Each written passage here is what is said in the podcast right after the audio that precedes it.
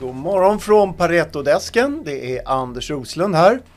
Eh, idag ska vi börja med marknadsnoteringarna. I USA var det svagt neråt. Standard Poor ner 0,21, Nasdaq ner 0,11 och Dow ner 0,21. Och eh, för övrigt så hade vi tänkt att prata om Nibes rapport som kom ut idag. Eh, och den var eh, stark som förväntat, upp 27% organiskt.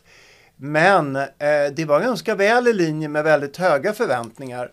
Eh, de kom upp också lite bättre på resultatet, men det räckte inte riktigt. Vi, marknaden har varit bortskämd med fantastiskt bra verkstadsrapporter och kommer man in som förväntat då går aktien ner. Men eh, det finns en del positiva saker i den här rapporten och det är att utbudsstörningarna fortsätter att plåga bolaget. Eh, och nu är det inte så mycket halvledarkomponenter längre som vissa underleverantörer som helt enkelt inte har kapacitet.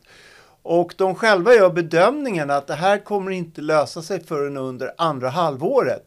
Men det innebär ju då att vi kan förvänta oss en fortsatt starkare tillväxt under andra halvåret som delvis kompenserar för att, att de inte fick ut det de ville få ut.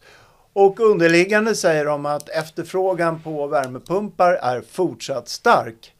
Så att eh, lite eh, negativt med att de inte blev bättre än förväntat men eh, jag tror att vi, vi kan se fram emot ett, ett bra andra halvår. Eh, jag tycker dock att aktien är ganska dyr. Jag har en behåll på 125 kronor.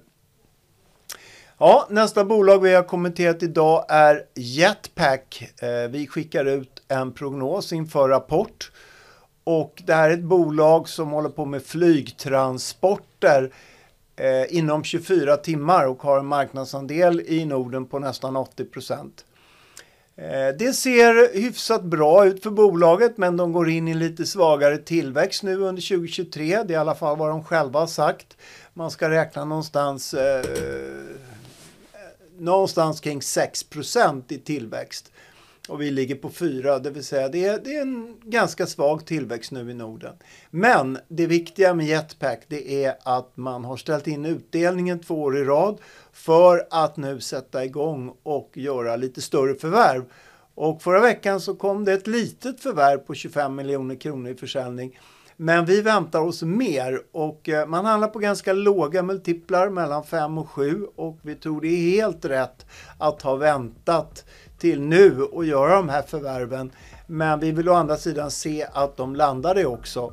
Men vi tycker eh, bra om Jetpack. Det är ett stabilt bra bolag som är lågt värderat. Vi höjer riktkursen till 130 och behåller från 125 och behåller vår köprekommendation. Ja, det var allt från oss idag. Så hörs vi imorgon igen. Hej då!